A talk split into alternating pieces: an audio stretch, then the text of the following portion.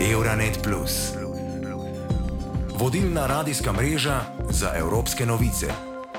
Podjetja se zavedajo, da morajo pri svojem poslovanju bolje razumeti tveganja povezana s podnebjem, kako se prilagajajo bolj zelenim ciljem in ciljem brez emisij, zlasti v sektorjih, ki onesnažujejo. Vabljeni k poslušanju Euronet Special Green Deal.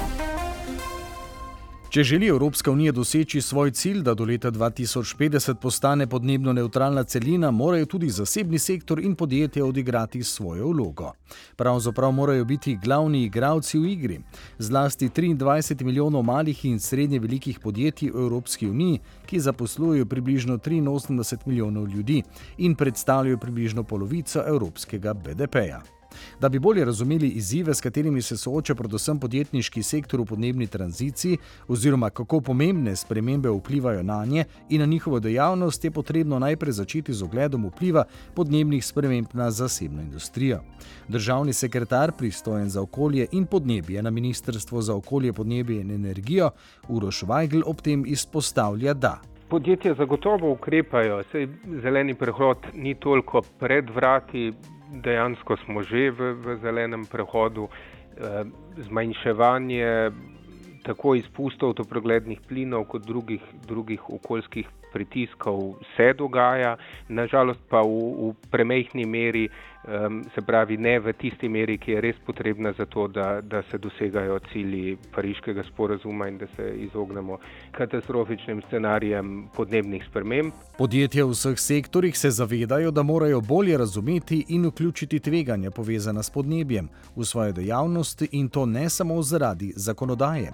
Uroš Vajgl ob tem dodaja se pravi, dela se, vendar pa bo potrebno, potrebno ta prehod še vedno še bistveno pospešiti. Po drugi strani pa tudi proces, spremljati proces prilagajanja podnebnim spremembam, se pravi, ne glede na to, koliko mi zamejimo uh, izpuste toplogrednih plinov uh, in s tem preprečujemo nadaljne, nadaljne večje dvige temperatur, je dejstvo, da podnebne spremembe doživljamo že na račun preteklih emisij. Zaradi tega je aktualno vprašanje tudi prilagajanje eh, gospodarstva razmeram, ki, ki so jih podnebne spremembe prenesle. Vem, če spomnimo, v lanskem letu je tudi v Sloveniji smo že doživljali recimo tisto dolgo sušo, ki je pripeljala tudi do poplav in potem v kratkem času tudi, tudi eh, ki je pripeljala do požarov in potem v kratkem času uh, smo doživljali tudi še, še poplave. Se pravi, take nenadne razmere so, se utegnejo dogajati. To, to, to lahko vodi tudi v pritiske do, do dobave nekaterih um, surovin, recimo um, lahko, lahko vpliva na, na razpolo, razpoložljivost vode, energetsko oskrbo. Um, se pravi, v, v, vsi, ne, tako država kot družba in tudi gospodarstvo, moramo biti pripravljeni na, na to, da, da bojo neki pritiski okoljski nastajali ta, v, v večji meri, ali pa tudi kakšni takšni, kot jih danes ni. In kaj so tisti prvi koraki? Kje je najbolje začeti in kje sploh začeti, se veliko krat sprašujejo lastniki podjetij in njihovi zaposleni. Zadnja leta se je veliko vlagalo v zamenjave energentov in to iz različnih razlogov. Tudi državni sekretar na Ministrstvu za okolje, podnebje in energijo Uroš Weigl ravnanje slovenskih podjetij povzema v tej luči v veliki meri gre tukaj za, za zamenjavo energentov, ne, da energenti, ki, so, ki manj bazirajo na, na, na fosilni rabi, oziroma pač imajo s tem tudi manj, manj izpustov, uh, izpustov toplogrednih plinov. Ta, ta vidik, potem inovacije v procesih, da bi bilo pot, manj energije potrebne za to, kar se, kar se pr, pr, proizvaja, v širšem pogledu pa tudi za različne prakse krožnega gospodarstva, eh, torej večje uporabe eh, recikliranih materijalov, tudi proizvajanje takih, takih recikliranih materijalov. S tem se zmanjšuje eh, raba novih naravnih virov in, in omogoča to, da, da, da se planet pustoši manj, kot se je, se je do zdaj z, z pridobivanjem, pridobivanjem primarnih virov. Podjetja se v iskanju inovativnih rešitev vse bolj obračajo na tehnologijo. Od nekdaj je tehnološki razvoj in posodobitev procesov izdelave, distribucije, servisiranja in recikliranja ponujajo prednost pred konkurenco. In danes razvoja brez uspredje postavljenega okolja in trajnosti več ni. Uroš Vagl izpostavlja, da bo namreč v, v prihodnosti bo, ravno, bo ravno ta zeleni prehod uh, omogočal podjetjem uh, to nek dolgoročni obstoj. Um, iz, iz naravnih danosti izhaja, da bo potrebno, bo potrebno preobrazati, preobrazati gospodarstvo. In tista podjetja, ki bojo pri tem uspešnejša, bojo, bojo od tega imela, imela tudi korist. V Sloveniji moramo pa oblikovati tudi nek sistem, ki, ki bo, bo pri tem spodbujal sodelovanje. Se pravi, ne, ne, ne zgolj posamične primere podjetij, ki, ki, ki uspešno izvajajo um, dejavnosti, ampak to, da se, da, se, da se to kot nek kolektivni, kot nek skupni napor uh, ustvari. Ne glede na to, ali na lastno pobudo, da bi ublažili tveganja povezana s podnebjem, da bi se prilagodili popraševanju potrošnikov ali ker so podvrženi regulativnim omejitvam, se podjetja ne morejo izogniti prilagoditvam, ki jih zahtevajo podnebne spremembe. Nunjo Krus, izvršni direktor Centra za odgovorno poslovno vodenje na Lizbonski šoli za ekonomijo in posel, pravi: Hej, je što je dopovedati snore. To je zgodba o korenčku in palici. Palica je, tukaj je zakon, tukaj je zakonodaja, spremeniti se moramo. Zato se podjetja spreminjajo na reaktiven način. Tista, ki se resnično spreminjajo na proaktiven način, so tista, ki gledajo na trg in vidijo, da se spreminja, da se stranke spreminjajo, da se državljani spreminjajo, kar jih sili k temu pristopu. Tako vidim, da se spreminjajo podjetja, ker se morajo spremeniti, ker je to edini način za finančno preživetje. Podjetja so se zmeraj morala prilagajati, ko so ohranila konkurenčno prednost in zagotovila, da njihove dejavnosti ostanejo donosne. Vanja Kjoseva, vodja inženirske ekologije na Univerzi za kemijsko tehnologijo in metalurgijo v Sofiji, pa izpostavlja naslednje. Ami, mislim, da nimate izbor treba, da bodo gotovi. Podjetja nimajo izbire, pripravljena morajo biti na učinke podnebnih sprememb. Pripravljena morajo biti na podnebne spremembe in posledice podnebnih sprememb, saj so gospodarski rezultati njihovih podjetij neposredno povezani s tem, koliko so podnebne spremembe vplivali na njihovo poslovanje in kakšne spremembe morajo narediti. Od industrije treba, da učastvujo za postiganje na tazi cel, da se sluči pred 2300.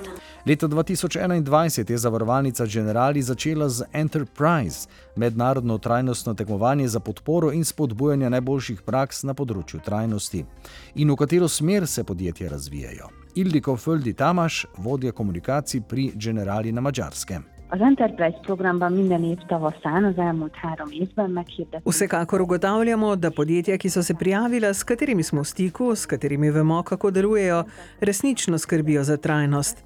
Število področji, kjer je naprimer iz prijavne dokumentacije razvidno, da iščejo tržno prednost, je ogromno.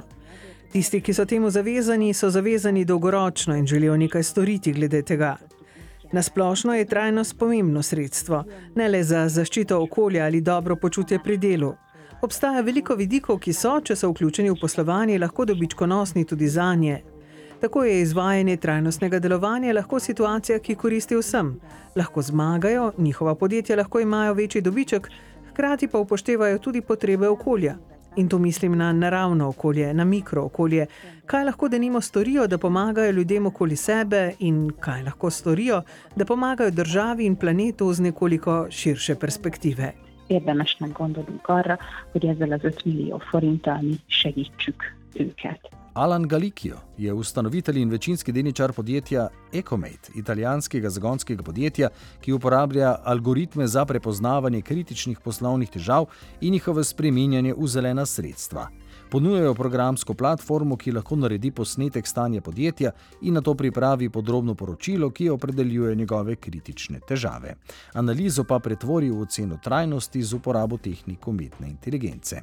Alan Galicchio. È ovvio che le PMI in questo momento non riescono a trovare. Očitno je, da mala in srednje velika podjetja trenutno ne morejo najti veliko plodnih tal in dosegati praktičnih rezultatov, ker si tega preprosto ne morejo privoščiti. Tako najdemo konkretne primere praktičnih, ciljno usmerjenih posegov, povezanih predvsem z digitalizacijo, z drugimi besedami, digitalno transformacijo, inovacije in namestitev nove opreme.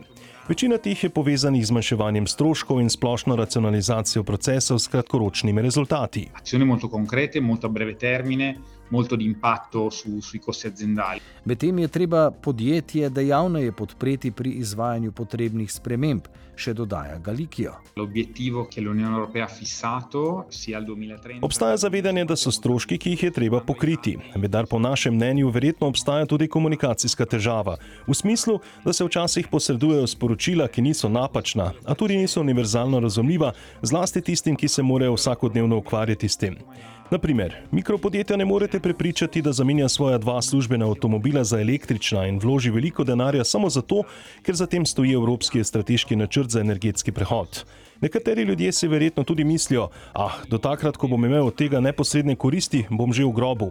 Torej ne gre samo za to, da naredimo pravo stvar za okolje ali da dosežemo zakonodajni cilj, gre tudi za vprašanje donosnosti za podjetnika. Per far sì che l'Italia non prenda la multa o non si indebiti maggiormente con l'Europa, ma un discorso anche di ritorno per l'imprenditore. Nina Kolčakova, generalna sekretarka Združenja bolgarskih zavarovalnic, pa dodaja, da vse več podjetij išče zavarovanje pred tveganji, povezanimi s podnebnimi spremembami. Če vsežnost se uveličava in zastrahovanata čast od tezi zagubi.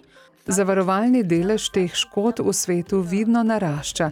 Dejstvo, da se izgube povečujejo, jasno spodbuja ljudi, podjetja in vlade, da zavarujejo več, ker se zavedajo, da tveganje narašča. V Bolgariji imajo zelo velika podjetja posebne oddelke za takšna tveganja, mala in srednje velika podjetja ne. En primer. Pred približno desetletjem je spomladanska poplava prizadela reko v Sofiji. Na eni strani te reke je bila tovarna, ki je proizvajala kozmetiko, na drugi pa tista, ki je proizvajala gradbeni material. Prišla je reka in odnesla obe tovarni. Tisti, ki je proizvajal kozmetiko, je bil zavarovan. Bila je škoda, kljub temu v trgovinah ni bilo opaziti pomankanja njihovih izdelkov. Do jeseni je bila tovarna popravljena na drugi strani pa si opekarna nikoli ni opomogla.